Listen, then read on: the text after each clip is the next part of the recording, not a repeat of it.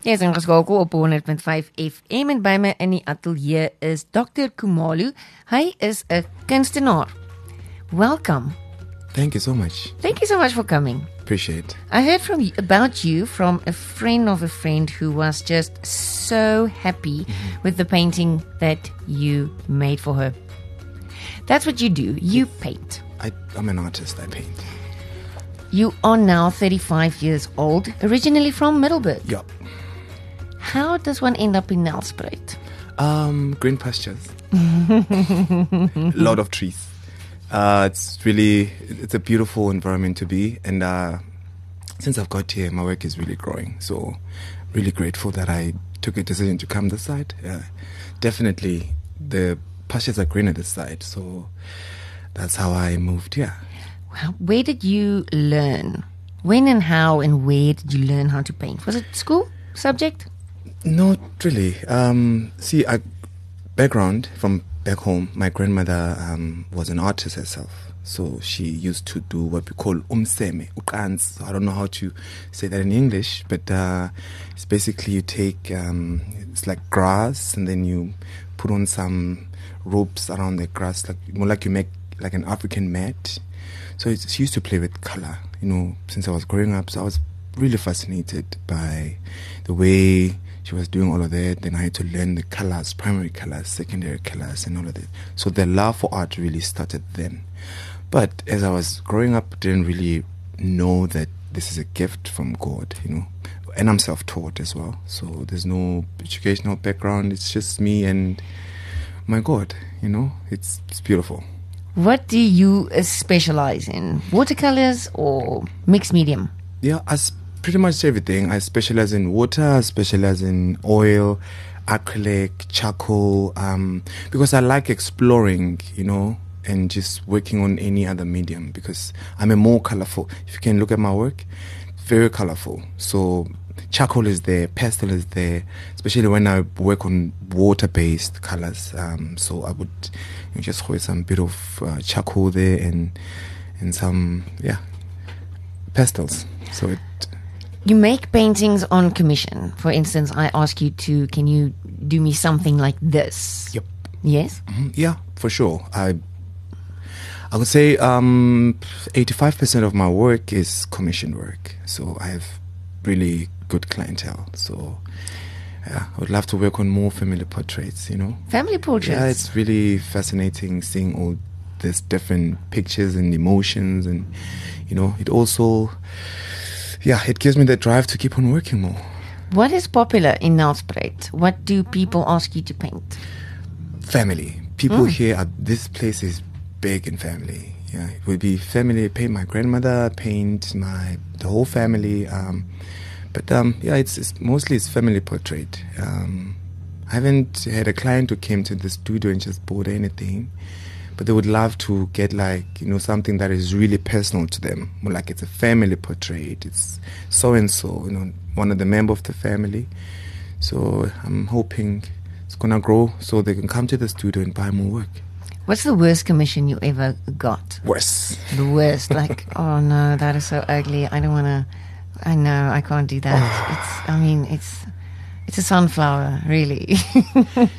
Yeah, uh, I really love all my work, but the worst I've ever sold was um, one client of mine asked me to paint a frog. Mm-hmm. So she had she had frogs in her house, so it was really I'm really afraid of frogs. So that was the worst. I couldn't wait to finish the painting, but I had to do it because clients has to be happy. yeah, and the monkey as well. a monkey. Yeah, I was painting a very cute monkey. It just didn't look right to me to paint it, but yeah, I had to finish. If you are, are not working on commission, what do you paint for yourself? I'm a musician. I love working on orchestras, on um, street art, actually, basically. So I would go around, just take random pictures from the street, the business, you know, just work on that because it, it has a sense of, it, it really challenged me, really mentally, and and I get growth when I work on. Um, I don't like working on still pictures. I would rather go on the street and just stand there and just start working. That really motivates me so much. So, if I'm not working on commission, I would rather be on my orchestra, on my music uh, paintings, or just go wherever I could just put my work and start working. I wanted to ask you about that because that's how a lot of your clients find you. Is they find you just standing in Somewhere a random studio, spot yeah. painting. Is it a marketing trick? It is. It's it's it's a marketing trick, and it's also me kind of.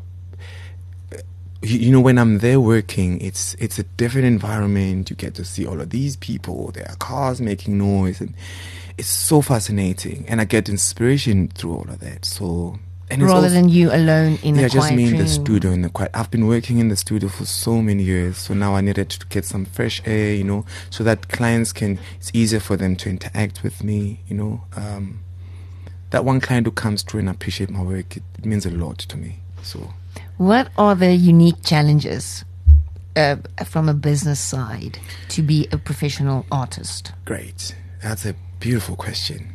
Thank you. I'm glad you asked that question. Um, obviously, marketing.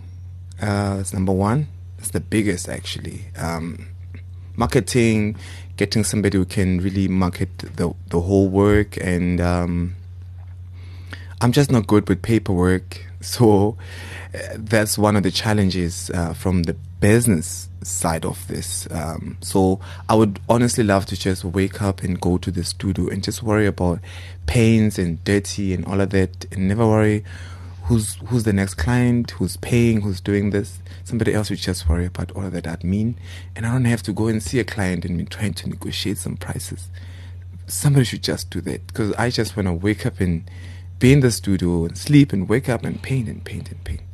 Yeah. Um, and also, you know, just to build clientele, I would appreciate if, you know, I could work from this one client and build that relationship for whenever. Um, but just to keep my clients coming, coming, coming. It's a bit of a challenge. And I think if I can fix the marketing part of the business, everything will just be smooth for me. What are the most valuable lessons you have learned from trying to make a living, making a living as an artist? Mm. Don't negotiate your work Mm. because then you devalue your work. Um, this might sound really a bit of shady, but you know, just believe in what you do. And um, one guy said to me, "You should stop negotiating your work because you see, when you go to Ferrari and buy a Ferrari, you can't go and be like, why your car is two million, whereas Toyota is hundred thousand rand. If you can't afford Ferrari, just go to Toyota and get Toyota. you know, um, but I think negotiating my work, um, it's it's it, it has been um, a bit of a challenge in terms of growth in, in business because you know when you're out there and you're looking for clients, you would try to be more generous to your clients, and it doesn't work in business like that. That's why I need a manager. You see. Okay. Are you asking for a manager? Yes, Is there I am. anybody out there who can come help Dr. Khumalo manage the business side because he is an artist in the true sense of the word? You're a musician as well. Yes, I am. Hmm? Instrument? Uh, drums, uh, acoustic guitar, um, play a little bit of bass. You know, Do you have a band? I have a band at home. It's called um, The Tone. Yeah. Beautiful. It's crazy, crazy, crazy. But I'm more more happy when I make noise in the drums. So it, yeah, because I can dance as well. So drums make sense to me, rather than the acoustic guitar and all of that. So I have too much energy, so I need to invest it into the drums. Right. So just a manager you need, not a band as well. Mm, well, no. we're asking. No, no, no. the band is perfectly fine. They they have somebody who's managing them, and yeah. Where can we find you? I know. Do you have favorite? Can I say street corners that you prefer to frequent to paint and f- get inspiration from? Yeah, I normally stand there by Liebenberg Street. I would go to Steiltes. Um, the first circle, you pass it, you go more like you're going to the garage, the total garage. Just at that circle, that's where I would normally stand. Sometimes I would go to a place called Elawini Lifestyle Estate. It's just before the bridge. I would just, you know, park my car there and play my jazz and be happy. just paint. You know, I hope I'm gonna get more sports so I can yeah, display my work. Actually, speaking of sports, I once went to this other sport. I'm not gonna be mentioning the name. When I was there busy displaying some work, police came to me like, "Hey, what are you doing here? Who gave you permission?" So it's it's difficult for me to just find sports, but Oh, wherever right. I feel I need to It's park, like you're loitering or need Yeah. a bylaw permit. Exactly. Something. and I understand I shouldn't be standing there, but not to me. I would just stand wherever I feel I need to stand. But um, it has helped me a lot because I've met some beautiful people there. Ons gesels met uh, Dr Kumalo. Hy is 'n hoofsaaklik 'n skilder. En uh, as jy hom nie toevallig in die dorp raak kry waar hy sy kuns beoefen nie, stuur gerus vir my 'n WhatsApp en ek help jou graag met sy kontakbesonderhede. Is there a place on social media perhaps where listeners can go check out your work? Definitely. Mm. I have Instagram. It's Dr. Tiza Khumalo. It's Doctor. It's D O C T O R. Mm-hmm. Tiza. It's T I Z A. Mm-hmm. Khumalo is K H U M A L O. No space, no capital letter, just one word. That's right. Instagram. So Okay. Facebook, it's T I Z A space Khumalo. Daar oh, sê. As jy dit gemis het en graag meer van sy werk wil sien, wat ek al gesien het is beautiful. Stuur gerus my WhatsApp nommer in die ateljee is 061 496 4323. Doctor, thank you for coming. Appreciate. Thank you so much for inviting me.